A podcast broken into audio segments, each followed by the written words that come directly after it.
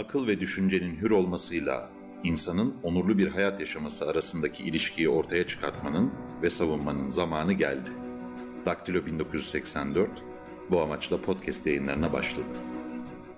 Selamlar herkese. Çerçevenin 43. bölümünde İlkan'la birlikte kayıttayız. İlkan hoş geldin. Hoş bulduk Numan. İlkan geçtiğimiz bölüm olağanüstü zamanlar, olağanüstü önlemler gerektirir dedik.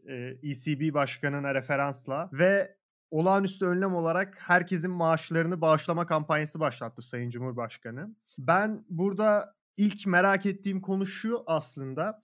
En yakın yaşadığımız olağanüstü olay olarak 1999 depremini alırsak o günden bugüne Türkiye'de devletin kapasitesi olarak neler değişti? Sen o dönemi daha yakından hatırlıyorsun ve bir kıyaslama yapmanı isteyeceğim senden. Eşdeğer şeyler olarak alamayabiliriz çünkü bugün yaşanan dünyanın yaşadığı global bir şey ve çok daha büyük bir e, olay aslında. Çok daha büyük bir felaket ama e, bir karşılaştırma yaparsan devletin kapasitesi açısından neler değişti?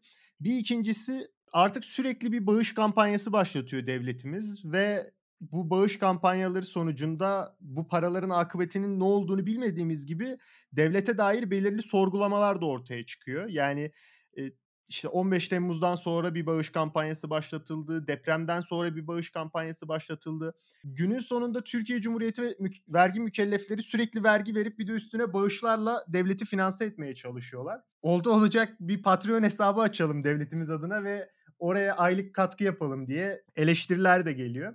Bu devletin bağış politikasıyla alakalı neler düşünüyorsun? Ee, Numan, şimdi sorunun ilk e, kısmından başlayalım. Türkiye'de devletin kapasitesinin e, 1999'a göre artmadığını söyleyemeyiz, arttı.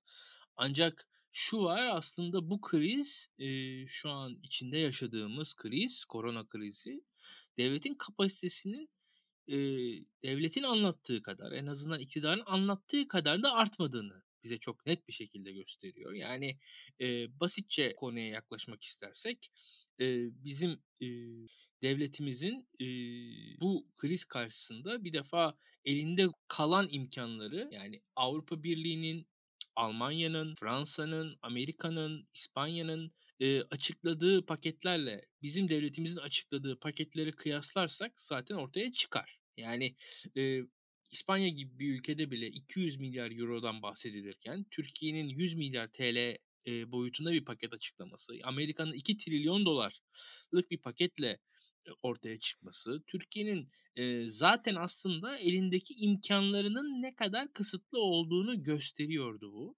Ha bu şu demek aslında iki türlü. Yani ülkelerin e, zenginlikleri, fakirlikleri buralarda ortaya çıkıyor. Bunun dışında sırf bundan ibaret değil. Mesela hani Amerika zengin bir ülke ama Amerika krize hazır bir ülke mi? Değil. Yani o konuda da hani e, dürüst olalım. Biraz hani herkese de dengeli yaklaşalım. Mesela Amerika'nın da şu andaki hali krize hazır bir ülke değil ama Amerika zengin bir ülke öte yandan. Türkiye'nin ise yine aynı şekilde krize hazırlıksızlığının yanında tabii bir de maddi açıdan kendi ekonomik sorunlarının sonucu ortaya çıkıyor. Yani şu an Türkiye'de mesela biz bu krize zannediyorum ki 2010 yılında karşılaşsaydık, biz bu aynı korona meselesiyle 2011 yılında karşılaşsaydık devletin vereceği reaksiyonun çok daha yüksek e, bir e, boyutta, volümde olacağını düşünüyorum ben. E, burada bu e, bağış meselesi önemli. Bağış meselesi e, dünyanın birçok yerinde de uygulanıyor ama Türkiye'de biraz daha farklı uygulanıyor diye düşünüyorum ben. Çünkü Türkiye'deki hükümet, AK Parti hükümeti e, kendisi zaten bir e, sosyal yardım geleneğini e, tebarüz eden bir yapıdan geliyor. Yani bu dini cemaatler, buradaki vakıflar üzerinden bir yardım ağı her zaman bir e, bir şekilde kendi siyasal teşkilatlarının parçası olarak görüyorlar bunu ve iki türlü yaklaşırsak burada hem bu yardımın kendisi yani oradaki bir maddi tabii ki e, oluşacak bütçe önemli ama bir diğeri de hadisenin ağırlığını e, giderek e, mesela e, devletin sorumluluğundan milletin sorumluluğuna doğru evriltmenin yolu olarak görüyorum bunu. Hatırlarsanız Türkiye'de ekonomik krizin en yoğun günlerinde bir anda vatandaşlar dolara karşı mobilize edilmişti Türkiye'de. Yani Türkiye'de vatandaşlar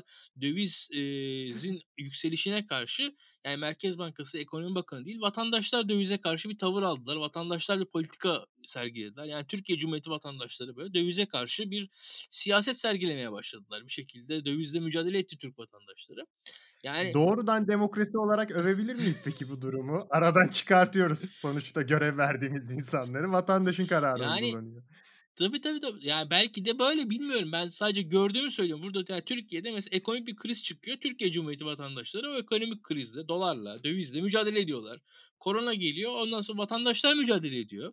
E, ilginç bir hakikaten e, mobilizasyon yöntemi bu aynı zamanda. Yani onu da söylemek lazım gerçekten. Ha e, bu tabii keşke bu e, mobilizasyonla bu işler hallolabiliyor olsaydı belki e, bir şekilde hani e, bunun neticesinde netice alınmazsa da en azından bir siyasal tavır göstergesi olarak da görülüyor bunlar diye düşünüyorum tabii ki.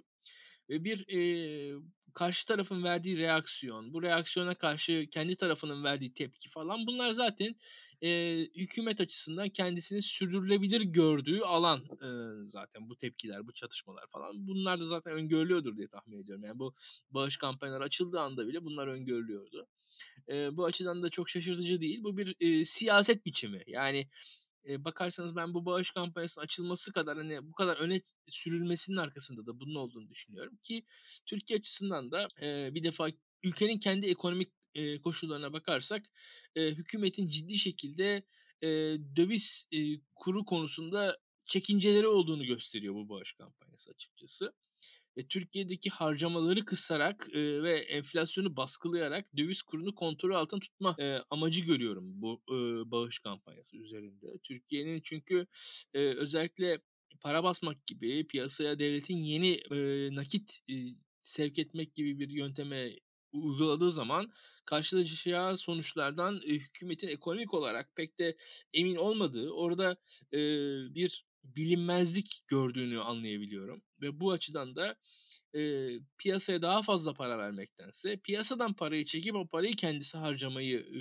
e, tercih ediyor devlet öyle söyleyeyim. E, bu bağış kampanyası. Yani fakat bu özellikle söyleyeyim bu yani bu bağış kampanyasının tamamen başarılı olmasının hükümet açısından çok da doğru bir senaryo olduğu konusunda emin değilim. O konuda benim ciddi şüphelerim var. Yani hakikaten de herkes elindekini avucundakini devlete verse bunun sonucunda ne çıkar ortaya? Onun yani onun muhtemelen öyle bir şey olmayacak da yani onun çok bir e, doğru bir yol olmadığını düşünüyorum ben. Benim birazcık bu konularda e, yani en azından şu var hani başarısız bir bağış kampanyası yaparak zaten amaçlarına ulaşacaklardır diye tahmin ediyorum. Yani hani oradaki amaç zaten budur.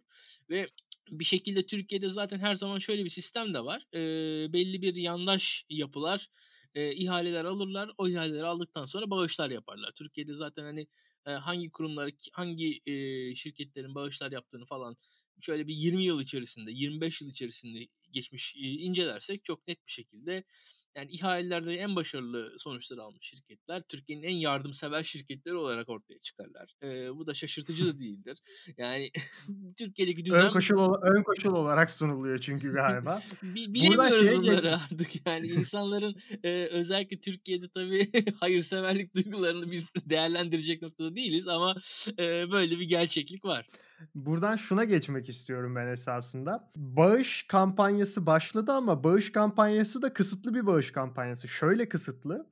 Ulusal ölçekte bağış yapılmasına izin veriliyor. Yerel ölçekte bağış yapılmasına izin verilmiyor. Ankara Belediyesi'nin banka hesabına tedbir konuldu. Bu tabii çok büyük bir tepkiye yol açtı. Aynı zamanda bu şu demek yani Cumhuriyet Halk Partili ya da muhalif belediyelerin para toplamasına izin verilmemesi ki bu İçişleri Bakanlığı tarafından gerçekleştirildi bu gibi olayları bile bir şekilde kutuplaştırıcı siyaset izleyerek insanları bir tarafa mecbur etme hissiyatı içerisinde iktidar.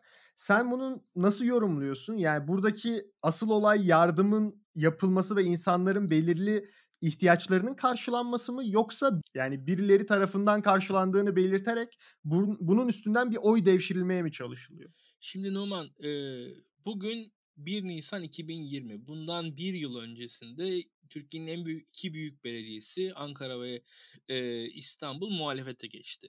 Ve bununla beraber aslında yani bakarsanız Türkiye'de muhalefetin daha önce de belediyeleri vardı ama yani neticede İzmir, e, Ankara ve İstanbul değil yani taşra sayılır bunlara göre. E, bunun dışında e, diğer bir Antalya vesaire bunlar e, zaten iktidardaydı. Adana iktidarın elindeydi.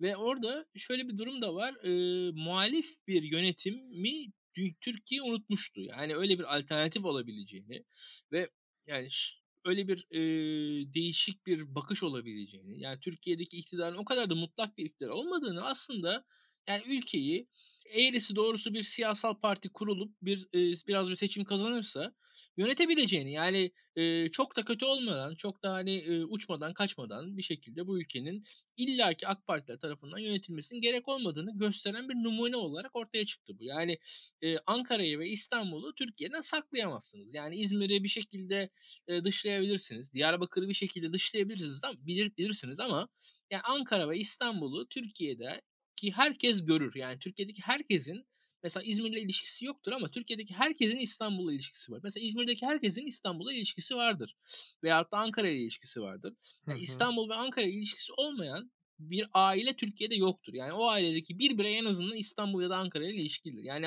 İstanbul, Ankara'yı görmüştür, birkaç ay içerisinde orada olmuştur. Ya bir akrabası oradadır, ya bir kardeşi oradadır, ya kendisi oradadır. İşte ya askere gitmiştir, ya oradan atanmıştır, ya orada okumuştur. Okuyordur.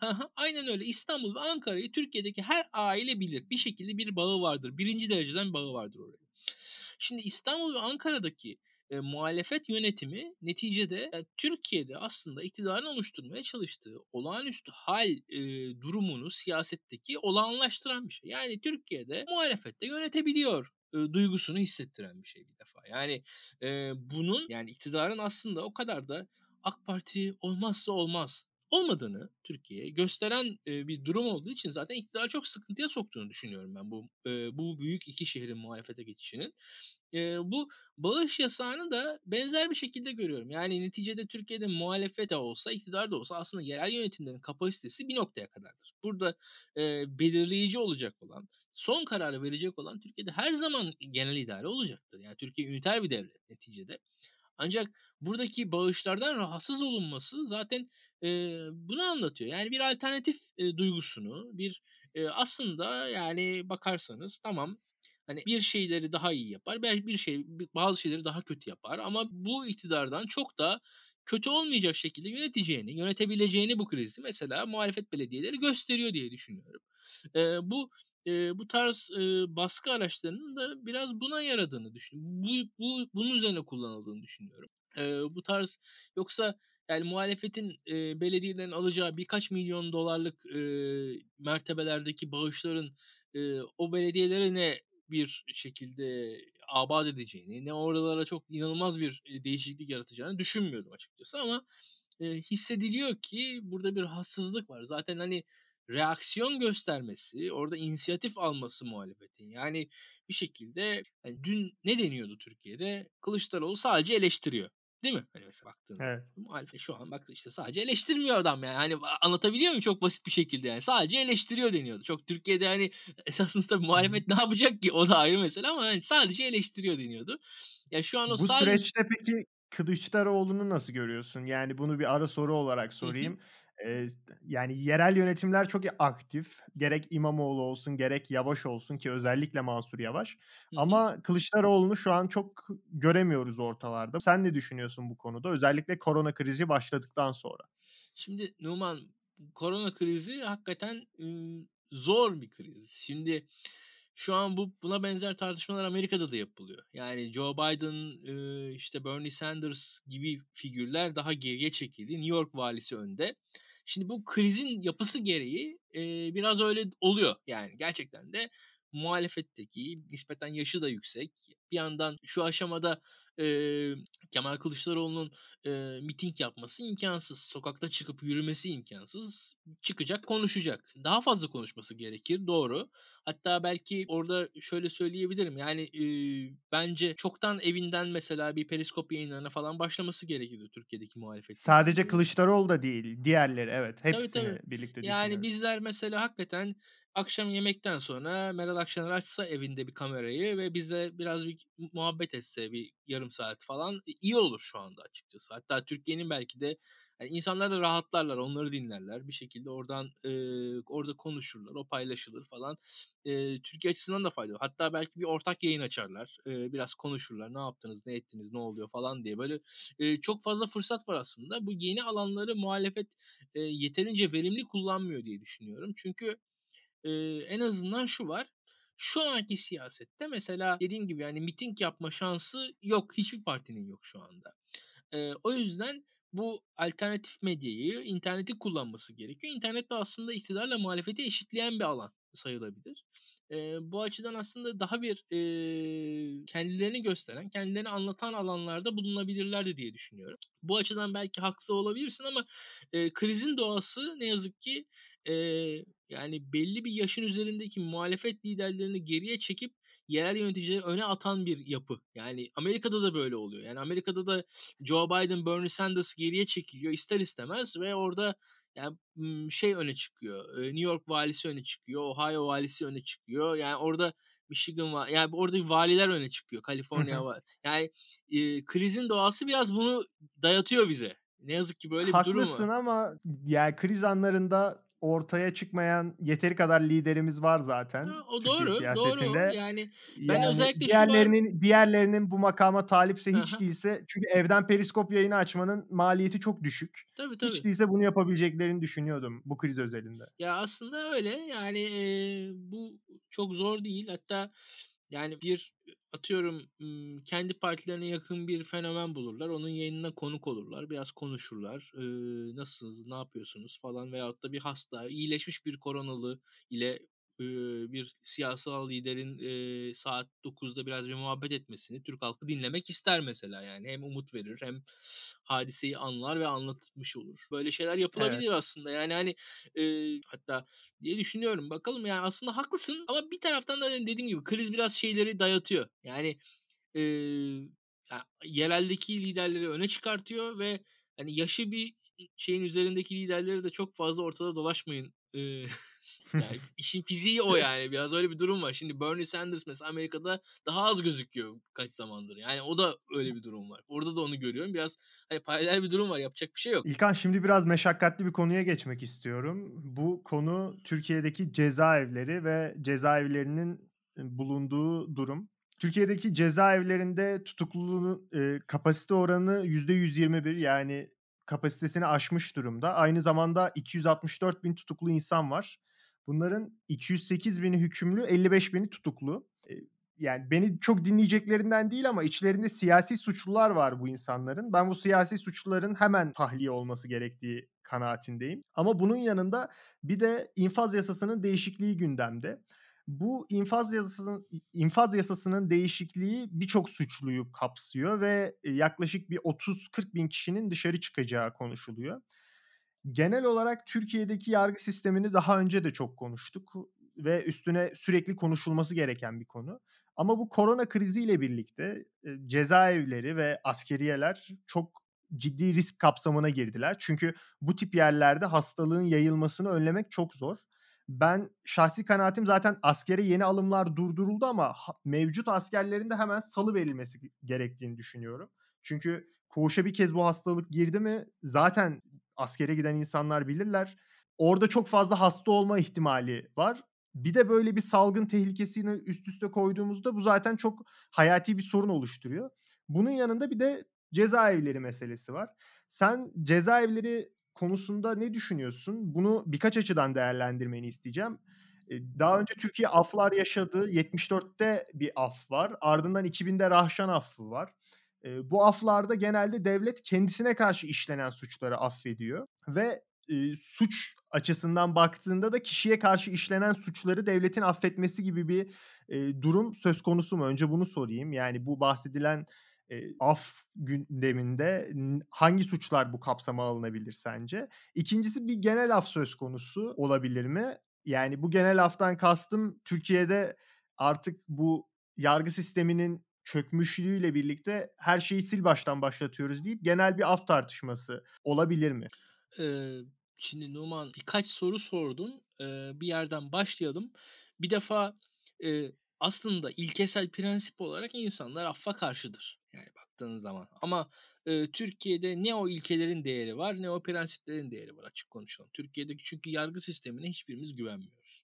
E, Türkiye şartlarında bir defa e, algılarımız da bence sorunlu. Şöyle ki Türkiye'de ortalama vatandaşın algısı herkesin çok az ceza aldığına dair bir algı var. Türkiye'de suçlar tartışılırken herkes büyük bir heyecanla, büyük bir öfkeyle, büyük bir nefretle yüksek suçlar, yüksek hani yüksek cezalar istiyor. Fiilen Türkiye'de cezalar düşük vesaire değil. Türkiye'de gayet e, güçlü cezalar var. Hatta yani Türk halkının e, öyle söyleyeyim ki bir kısmının hatta çok büyük bir kısmının bence gereksiz bir idam fetişizmi dahi var. Bunun bir anlamı da yok e, bence. Yani devam edeyim. E, Türkiye'de bir defa dediğim gibi manasızca yükseltilmiş cezalar bile var. E, Türkiye'de öyle e, kamuoyunun gösteri, gösterdiği gibi öyle e, herkesin cezadan rahatlıkla kurtulduğunu falan düşünmüyorum bir defa. Onu söyleyeyim. E, Türkiye'de hakimlerin takdiri Türkiye gibi, çok yüksek. Yani Türkiye'de hakimlerin, hakimlerin takdir kabiliyetleri bence yani yani Türkiye'de yargının bir defa şöyle yani yargı e, yavaş işliyor bizde. Yani yargı bir defa yavaş işliyor. Teknik olarak yeterli değil. Hakimlerin e, hakimlik yapma kabiliyetlerini ben yeterli görmüyorum bunun yanında. E, yargının top, total olarak kapasitesini yani e, gerek entelektüel gerek e, karar verme kapasitesini söyleyeyim e, tartışalım. Yani hepsini düşük görüyorum ben. Yargıyı başından aşağı sorunlu görüyorum. Ve bunu da hani burada yine söyleyeyim bunu böyle hani bu AK Partili bu cemaatçi falan filan diye değil. Yani Türkiye'deki e, açık konuşalım seküler yargıçların da kapasitelerini çok düşük görüyorum. E, milliyetçi yargıçların da kapasitelerini çok düşük görüyorum. Zaten yargıçların seküler, milliyetçi işte e, muhafazakar AK Partili olması da zaten ayrı bir hikaye yani Türkiye şartlarında. Neyse. E, şimdi bütün bunların yanında zaten hani atamaları atamaları her şeylerinde inanın başından aşağı sorun görüyorum öyle söyleyeyim ben. Zaten bunda da sorun gördüğüm için e, ilkelerimi falan tamamen bir kenara atmış durumdayım. Türkiye'de ben aflara karşı çok daha e, açık görüşlüyüm olabilir diye bakıyorum. Çünkü Türkiye'deki yargı sisteminin kendisine olan inancımın düşüklüğünü gösteriyor. Benim bu aflara karşı olumlu bakışım bir defa. Arkasından e, Türkiye tarihine bakarsak dediğin gibi Türkiye'de 74'te af oldu. Mesela 91'de de Türkiye'de af oldu. Yani 12 Eylül'den sonra 12 Eylül'ün hapse attığı çok sayıda insan yavaş yavaş yavaş yavaş 88, 89, 90, 91 orada infaz yasaları değişti vesaire bir şeyler oldu. Yavaş yavaş bunlar salındı. Yani onun dışında 99'da bir daha salındı. Onun arkasından e, bakma şu anda hani AK Parti döneminde de farklı farklı metotlarla insanlar içeri giriyor dışarı çıkıyor. Herkes bir nöbetleşe bir e, mahkumluk durumu var yaşanıyor. Hatta bir ara e, şeydi yani hani cezaevine girmek için sıraya giriyorsun Türkiye'de bazen. Hani o çünkü cezaevinde yer olmuyor. Sana 6 ay sonra gel diyorlar. Yani yatmak için. O, onu bile yaşayan biliyorum ben. Yani bu, bu gerçek. Ben daha geçen gün daha geçen gün bu yaşlı biriyle video çeken çocuk tutuklu yargılanıyor mesela şu an. Hı hı hı.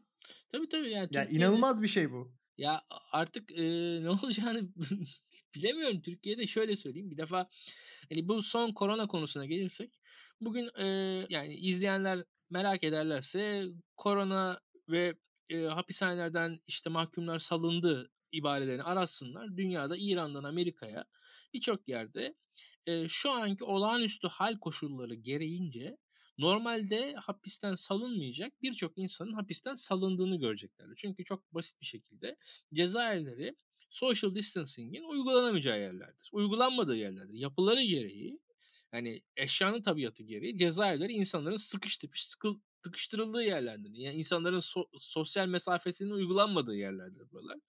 Ve e, özellikle gardiyanlar vesairelerde dolayısıyla gayet de aslında tehlikeli yerler o haline geliyor şu anda. Yani bugün bakarsanız yani biz e, niye sinemalar kapalı, niye e, okullar kapalı bugün e, dersek hani aynı nedenle cezaevlerinin de kapatılması gerektiği ortaya çıkar zaten yani azıcık düşünüldüğü zaman yani. E, bu tabii ki kapatılmayacaktır cezaevleri ama cezaevlerinin en azından e, birazcık e, kapasitelerinin azaltılması yani kapasitelerinin en azından yani şu an Türkiye'de yüzde 120 doluluktan bahsediliyor. Yani insanların sırayla yataklara yattıkları. Yani birinin uyandık, biri uyanınca diğerinin yatağa yattı. Yani o ranzaların paylaşıldığı durumlardan bahsediyor Türkiye'de cezaevlerinde. Bu ortamın en azından yok azaltılması, yok edilmesi gerekiyor. Acilen gerekiyor. Hatta bu konuda gecikiliyor diye düşünüyorum. Ee, ve çok e, önemli bir de bir durum var. Yani dünyada da basit bir e, yar, yargı kriteridir. Yani bu e, hukukun ilkesidir. Cezaevlerindeki insanların e, yaşam hakları yani e, hayatta kalmaları devletin güvencesine bırakılmıştır. Yani o insanları tabii ki o insanlar e, o belirlenen sürede cezalarını çekecekler, hapis yatacaklar ve işte ıslah edilecekler vesaire. Ama onun haricinde o insanların sağlıklı olarak vücut bütünlüklerinin korunması da devletin sorumluluğunda olması gerekir. Yani dünyada e, herkes iyi bilir. Mesela idam mahkumları e, idam edilene kadar e, tedavi edilmeye devam edilirler. Yani tansiyon ilacını almaya devam eder idam mahkumu. İşte atıyorum e, kanserse kanser ilacını almaya devam eder. Bir şekilde yaşatılmaya çalışılır idam mahkumları. İdam edilecekleri tarihe kadar bile yani. Bu bu ilkelerle baktığımız zaman zaten Türkiye'deki cezaevlerinin ciddi bir şekilde boşaltılması gerektiğini ben düşünüyorum. Ee, buradaki en azından e, sayının insani boyutlara inecek kadar azaltılması gerektiğini düşünüyorum. Bunun yolları vardır. Yani açık cezaevleri, ev hapisleri, ceza ertelemesi, işte atıyorum hani bu çektiği cezanın işte e, ertelenmesi gibi e, metotlar uygulanarak aslında e, Türkiye'nin zaten uyguladığı metotlar bunlar. Da, birazcık daha yoğun bir şekilde, birazcık daha acil bir şekilde uygulanıp hızla karar alınması gerekiyor. Şu an e, ne yazık ki ben bu işin uzatıldığını düşünüyorum. Yani meclisteki süreci de e, çok olumlu görmüyorum bu açıdan. İşin uzadığını görüyorum. E, iş uzadıkça zaten anlamını kaybedecektir diye düşünüyorum. E, ki e, tehlikeli bir noktaya doğru gidiyoruz. E, cezaevleri bu açıdan hani bu super spreader diyorlar. Hani bir, e, üstün yayıcı diyelim. E, bu üstün yayıcı bir, bir virüs oralara girdiği zaman ne yazık ki e, kolay kolay durdurulamayacak diye gözüküyor. E, ve Türkiye'nin gene sağlık sistemine bir ekstra yük de oradan binebilir gibi geliyor bana. E, bugün zaten bakarsanız hani dünyadaki insanlar da bu mahkumları çok sevdiklerinden değil yani İran'da, Amerika'daki mahkumların salınmasının da sebepleri bunlar zaten yani. O, o, o risk gözüküyor şu an herkesin önünde. E, Türkiye bu açıdan bence yavaş kalıyor. Umarım hızlanır. İlkan çok teşekkür ediyorum yorumların için. Devletimiz hala Patreon hesabı açmadı. Devlet Patreon hesabı açana kadar siz bizim Patreon'umuza bağışta bulunabilirsiniz. Açıklamayı linkte bulabilirsiniz. Gelecek bölümlerde görüşmek üzere. Hoşçakalın. Hoşçakalın.